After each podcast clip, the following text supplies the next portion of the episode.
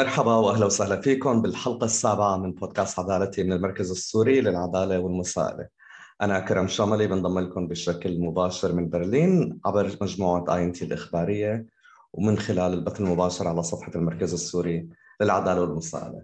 مثل ما عودناكم هذا البودكاست بيهتم بتغطية محاكمة الطبيب السوري علاء أمين الطبيب المتهم بارتكاب جرائم ضد الإنسانية أثناء تواجده وخدمته بالمشافي العسكرية بسوريا أه لحد الآن المحكمة بفرانكفورت لا زالت تستمع للمدعي الثاني بهي المحاكمة فلهيك وبسبب تعليمات المحكمة للأسف ما فينا نحكي أي تفاصيل عن عن عن عن عن حيثيات هي الشهادة لحد ما ينتهي المدعي الثاني آه، من شهادته. آه بس كون ما فينا نخبركم عن هذا عن هي المحاكمة آه في موضوع كثير مهم حابين نخبركم عنه. آه ومن خلال مقابل مع ضيفتنا لهي الحلقة زميلتنا من المركز السوري للعدالة والمسائله نسمة باشي هو بيتعلق ب الانتهاكات السلطات اليونانية لحقوق الإنسان اللي بتتعلق بالطالبين اللجوء يلي آه، بالطرق من خلال الجزر اليونانية أو من خلال البر باتجاه أوروبا. آه، كيف السلطات اليونانية أساءت معاملتهم؟ وكيف سواء هن بالبحر وتم إعادتهم أو حتى بعد وصولهم على الأراضي اليونانية. من دون ما أطول عليكم أه بس حابب أخبركم أنه هي الحلقة باللغة الإنجليزية وتم تسجيلها يوم الخميس الماضي. فلهيك حتكون آه، مترجمة آه، بس إذا حتستمعوا من خلال سبوتيفاي بالمستقبل أو ابل بودكاست أو جوجل بودكاست كرمال الترجمة فيكم تتابعوها من خلال الفيديو على صفحة المركز السوري للعداله والمساءله ومجموعة اين تي الإخبارية وهلأ آه، رح نعرض هي المقابلة وودعكم للحلقة القادمة تحياتي Uh, joining us from DC, my colleague Nasma Bashi. Uh, good morning, Nasma. Good morning, Karam. Thanks for having me.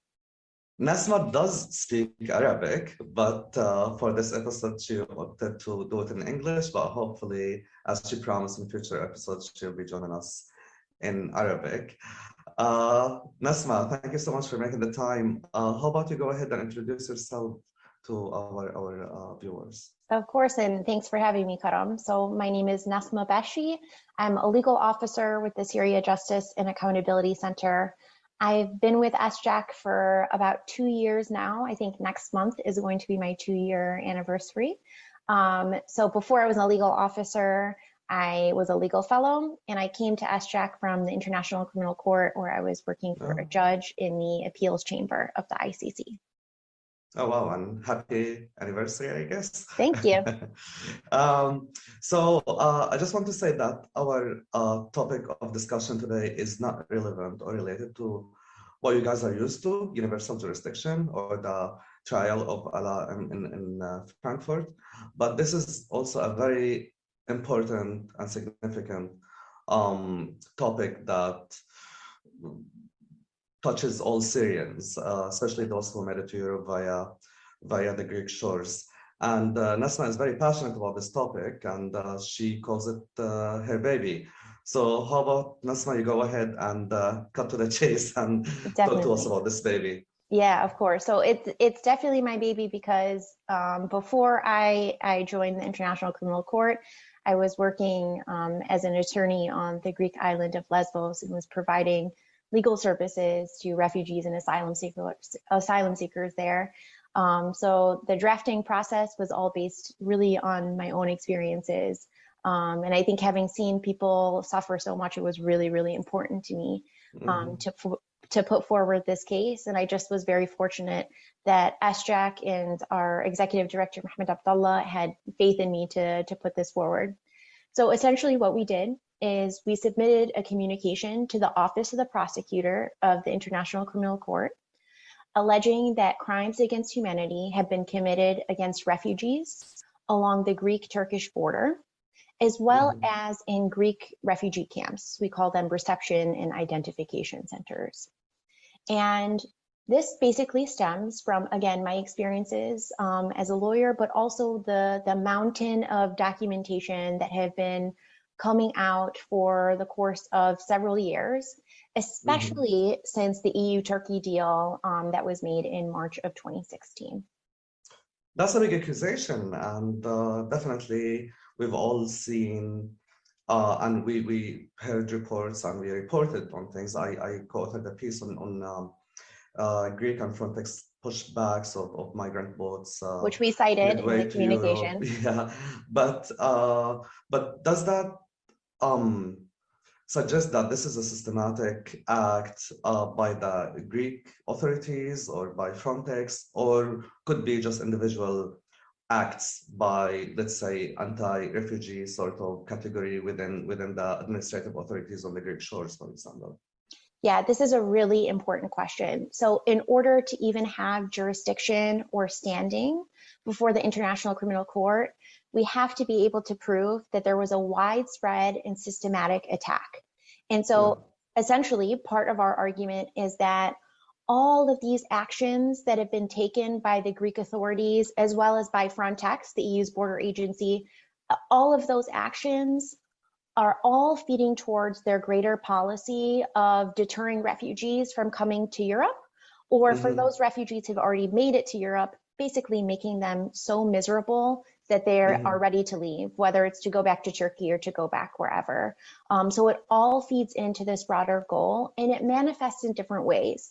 It manifests in different laws, it manifests in policies, and it manifests in the actual uh, procedures of, of these entities that are in charge of either the reception and identification centers or um, you know with the pushbacks themselves that are happening at sea and on land. Can you can you give us some practical examples of what you witnessed or what you were told when you were in the Greek islands? Yeah, absolutely. So I'll I'll put I'll paint a picture like this we had a lot of refugees who would cross over at the sea border, so the nautical border between Turkey and Greece, headed towards Lesbos. And they would come in these um, these dinghy boats. So basically, boats, yeah. yep, we've all seen those those famous pictures of you know mostly they're they're orange and they're inflatable, yeah. and they you can't imagine this weak little structure you know across the Mediterranean, especially when the waves are high and the conditions are not good. And so people are stuffed onto these small boats. And as they're crossing over that nautical border, um, they're often approached by Greek authorities or Frontex authorities on their speedboats. And so what we saw happen quite often was that Greek authorities would try to stop these boats and physically mm -hmm. push them back across the border. And they would do this in different ways. Sometimes they would take these really long metal poles and literally jab the boats across the nautical border. In mm. other instances, um, we saw Greek authorities attach a rope to boats mm -hmm. and mm-hmm. tow them across the border.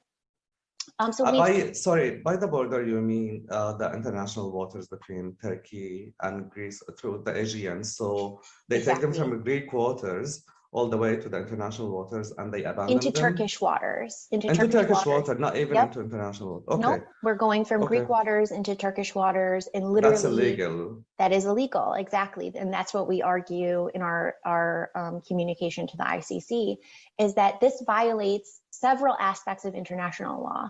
The yeah. first being the right to non-refoulement, which is just a fancy way of saying that if you're a refugee and you have a fear of being persecuted um, somewhere, then when you flee somewhere else, you have a right to pitch your case and to say, listen, mm-hmm. I have a very well founded fear um, mm-hmm. and I should be heard out for my claims because I need to be safe and secure. And so mm-hmm. in Greece, in Greece, saying, listen, we're not even going to hear you out. We're just going to push you back across the border, yeah. whether it's at the northern land border or by sea. It's yeah. a very clear violation of international law. So yeah, this is the illegal um, practice by actually um, towing these boats or migrants and force them to go back to Turkish waters after the deadly journey they, they, they undertook. But the legal obligation, according to the laws of the EU, is actually escorting those, these people, these arrivals from, from the rescue waters to safety to be processed and for their claims and cases to be heard, right? Yes. But and you did mention the Greek authorities who are doing this, maybe the Greek coast guards, but you did also mention Frontex, which is a bigger umbrella uh, of European Coast guards. So does that implicate all of Europe in this action?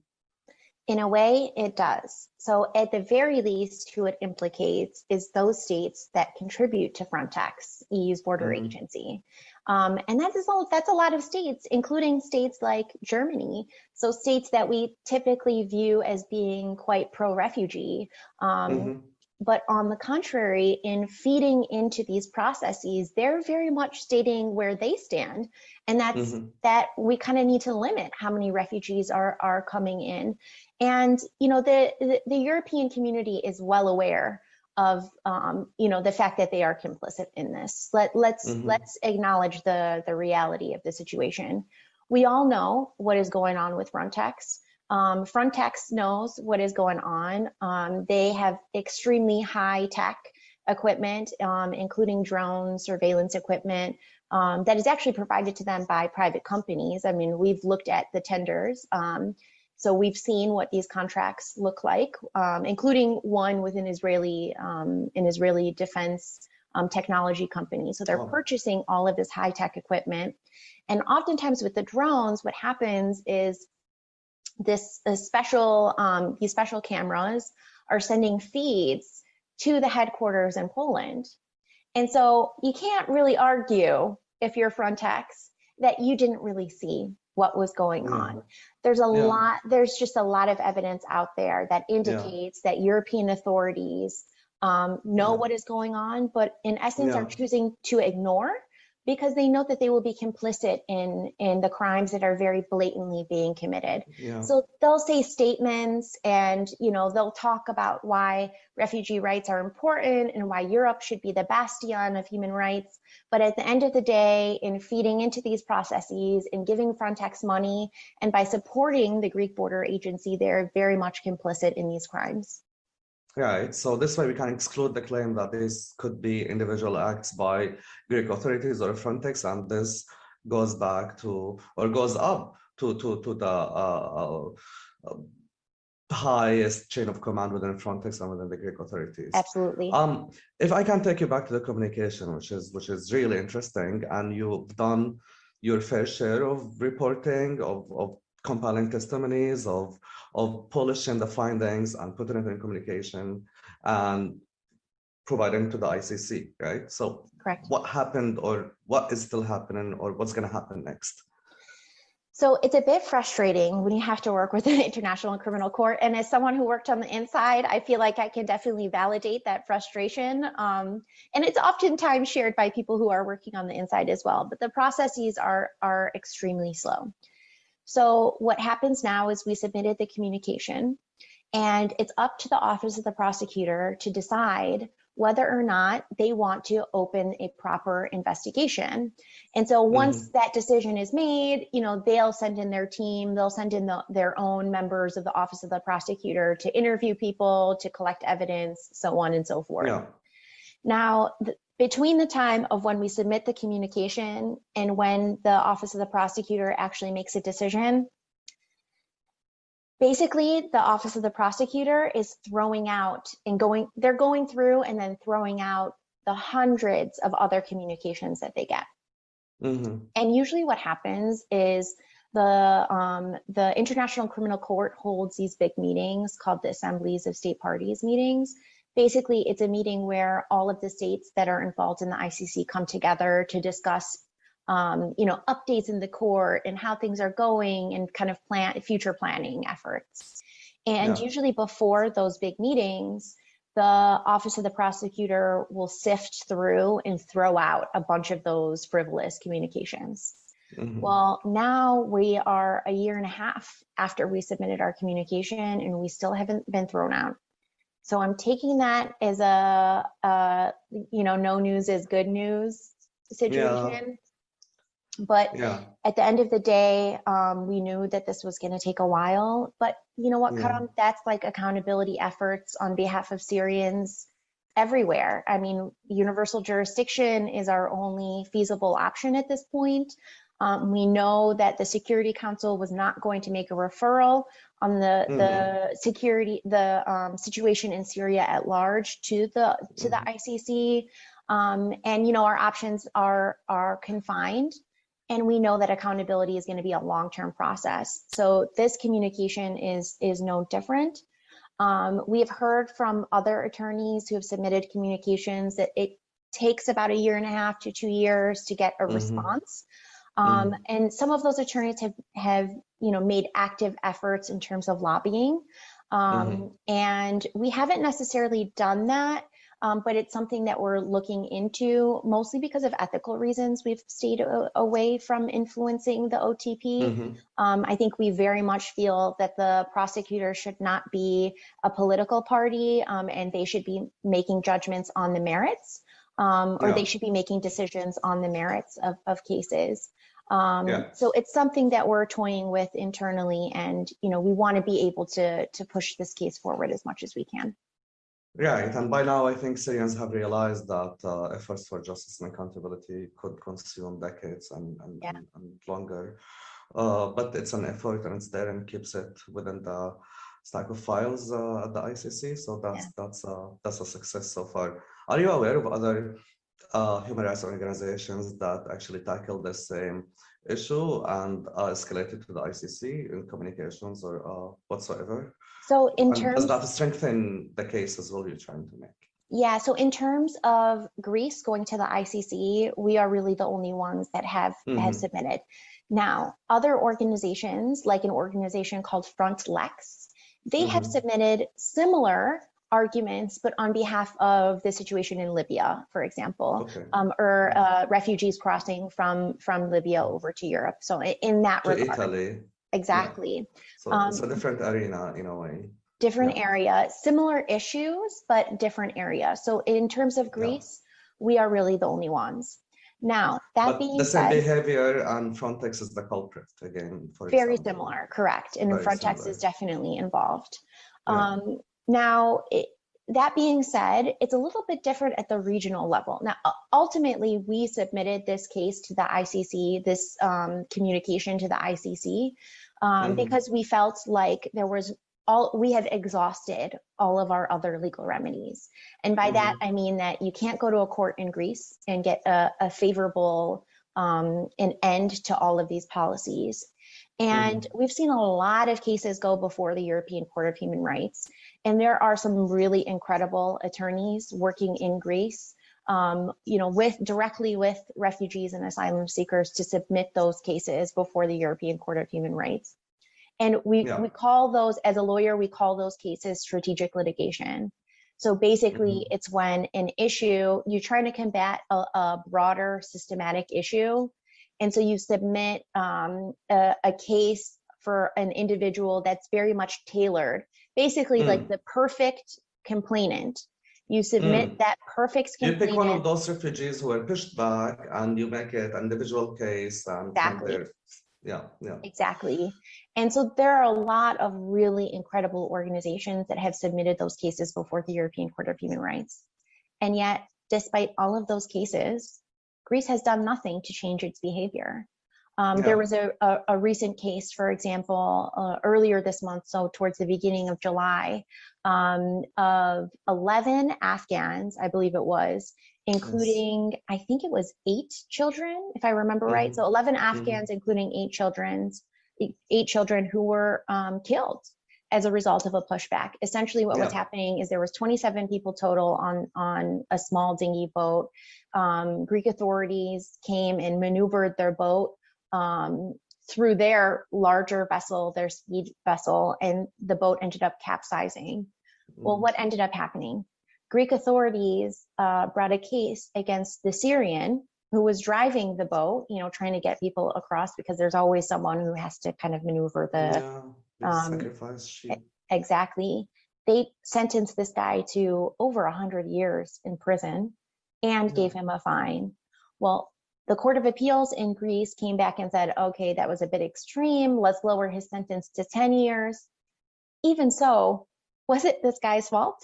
So what happened was a, group of lawyers brought a case um, on behalf some of uh, on behalf of some of the survivors to the European Court of Human Rights, and it was a game changer in the sense that the European Court of Human Rights said that the Greek um, the Greek courts the, their logic was flawed when they decided Mm. that the Syrian guy should have. The Syrian guy didn't kill them. He was another refugee trying to reach Mhm. safety, but the uh, action by the Greeks is what killed them. Exactly.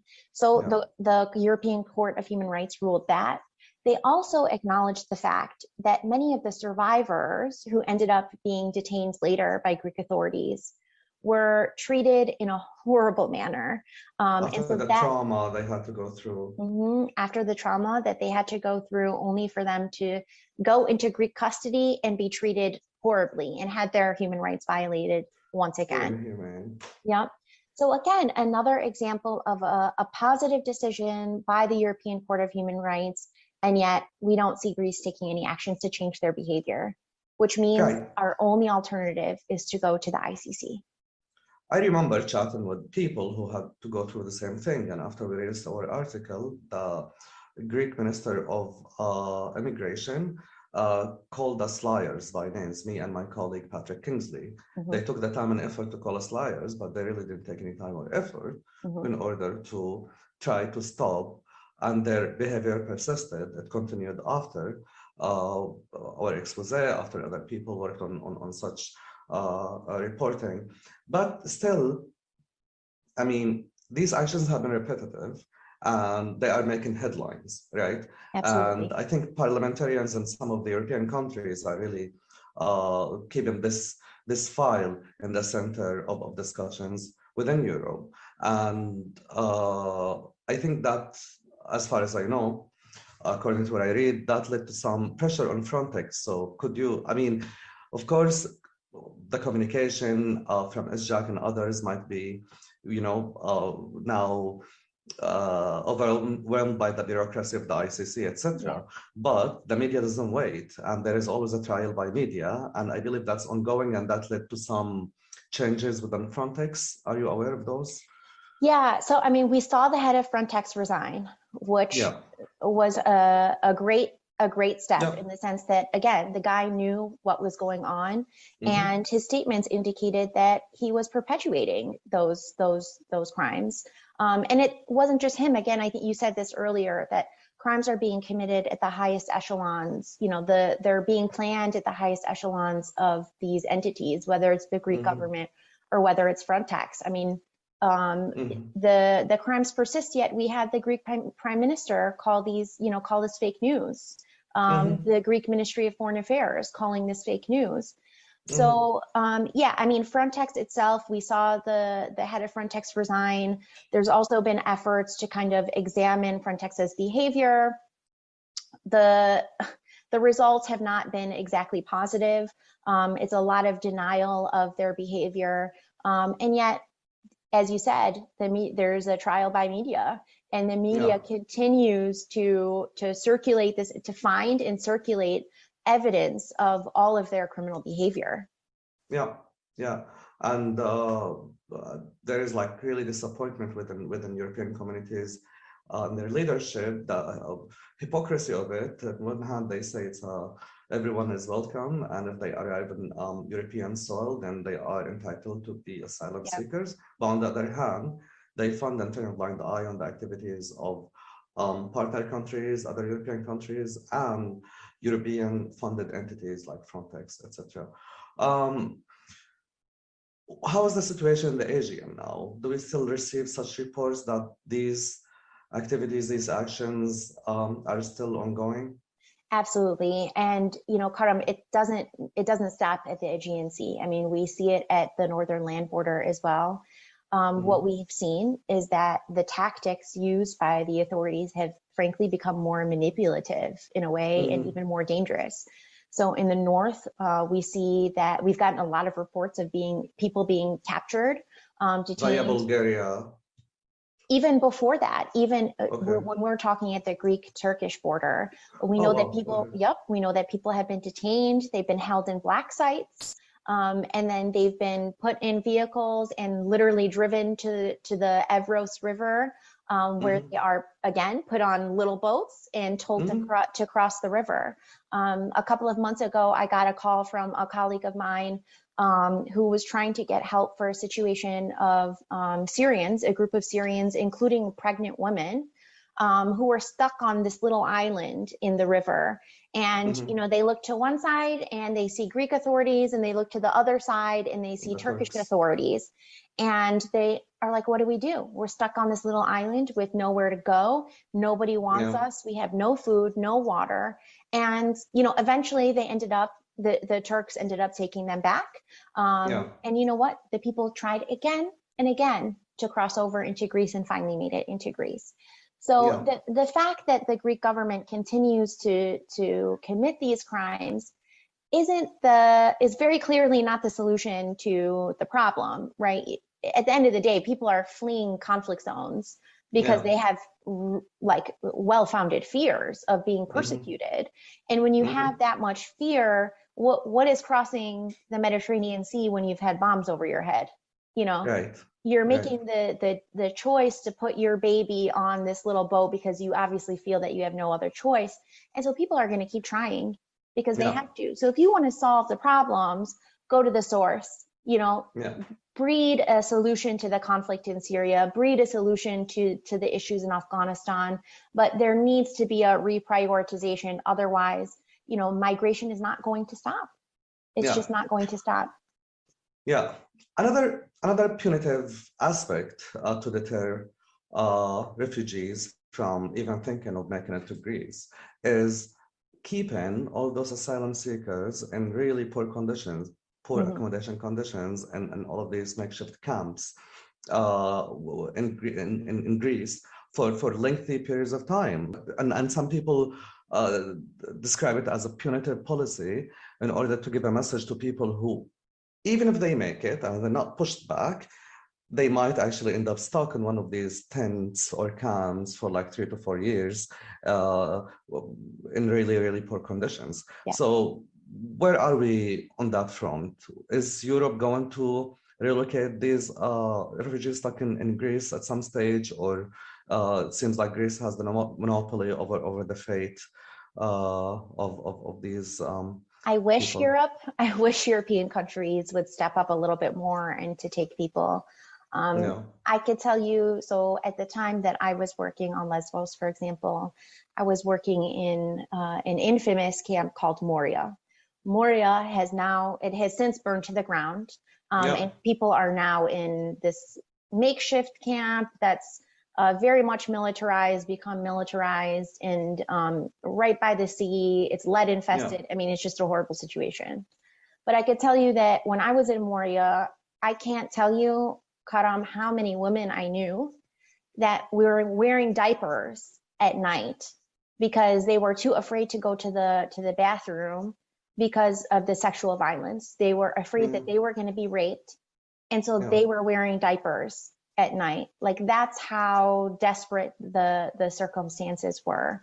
Um, I can't tell you the the number of people that had just horrible horrible diseases um, things like scabies that were just making them really mm-hmm. uncomfortable um, mm-hmm. food was very much inevitable and the day-to-day violence of course is a result of that i mean how many days in a row fights would break out between people waiting no. in the bread line. But you know what? That's what happens when you have people who are are geographically confined.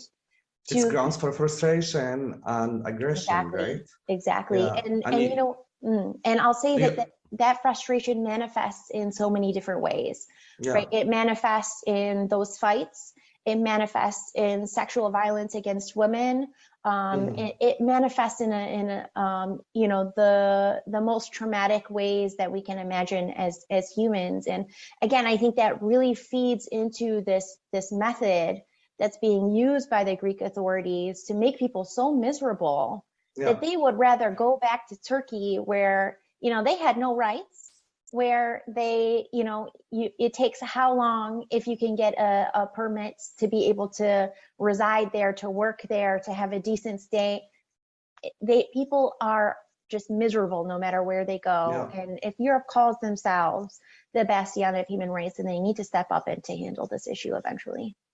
Yep, yeah, and you add on top of all these miserable conditions the global pandemic, and mm. it, it, it coincided with, with uh, the burning down of Moria as well. Yeah. So uh, imagine the psychological state of, of the residents uh, of, of these camps. So it's really horrible, and hopefully there will be like a solution to all of this soon. Yeah. Uh, you know, Karam, one thing one thing I'll say is that it is it is very depressing to talk about all of this sometimes, and it's easy to get overwhelmed by it. But you know, I also feel like when I was on the islands, I also while I saw the the worst parts of humanity, you also see the most beautiful parts of humanity. You know, the fact that people can figure out a way to survive despite these mm. conditions. Mm the fact that you know parents can can continue to love their kids and do whatever they can to protect them you know in terms of covid um, you know people couldn't get stuff into the camps. There there was no cleaning supplies there was nothing like that. You have no running water. If you do have running water it's like icy cold it's just people are miserable right? Obviously the health yeah. circumstances were awful. And yet people can come together. They can figure out how to sew masks and distribute those masks. Yeah. You know, they find a way to work collectively. And I think that's the, the most beautiful aspect of all of this is that despite the extreme violence in so many different ways, there's always a little bit of hope. And at least for me, I feel that I've learned more from from my clients than they have ever gotten from me. I could get them off the island, but they've given me so much more because of that. And, and this is the good-hearted hearted nature of these people. If you put them in the right circumstances, uh, in, in humane circumstances, and for a given yeah. environment, not in the current harsh, miserable conditions they have to endure every morning they wake up. Um, are you optimistic that the ICC might end up doing something? I want to be optimistic. Um, I'm a little up in the air, Karam. I want to be more optimistic, but I'm also realistic about the fact that as much as the office of the prosecutor shouldn't be a political entity, there are a lot of factors that go into play. If that wasn't the case, we would have seen other issues go a lot further. Um, but you know, there the the court is only successful when states want to engage with it, which yeah. means that down to the money, right? How the yeah. court is getting their fundings is somewhat dependent on state involvement. And yeah. essentially, you make enough states mad, and there goes the credibility of the court. So, in yeah. this case in particular, we know that a lot of states are involved, including European states. Germany, are, Italy. Right. Yeah, yeah. States that happen to be big funders and supporters of the court in mm-hmm. general. So, there's a lot of complex layers to this. I would hope that Karim Khan and his team will make the right decision, that they will act on these serious violations, especially in light of what is going on in European soil in the context of Ukraine. You know, yeah. it, the, the Office of the Prosecutor is very quick to act, very quick to allocate authority, um, to allocate, um, you know, money and um, mm-hmm. resources. Resources. Exactly. Yeah. Um, and so I would hope that they would make the right decision and to see how grave the circumstances are um, and to kind of move an investigation forward. But you know, I'm also again the politics of the situation is one thing. I'm also cognizant of of rhetoric around um, you know people of color when it comes to being refugees in Europe. I mean, I hate to put it like this, but Ukrainian refugees were allowed into other countries so easily. I mean, countries like Hungary were accepting Ukrainians like, I mean, it, it, they were happy to do it. And yet we know that Hungarian authorities are very Poland. quick. Yep, Poland as well. These are countries yeah. that we have seen them, we have, we, I mean, we submitted evidence to the ICC of people being stripped naked, beaten by the police, had all of their money, all of their goods stolen for them oh, and sent back across the border. And yet all of a sudden, you know, you have Ukrainians that come through and they're accepted openly.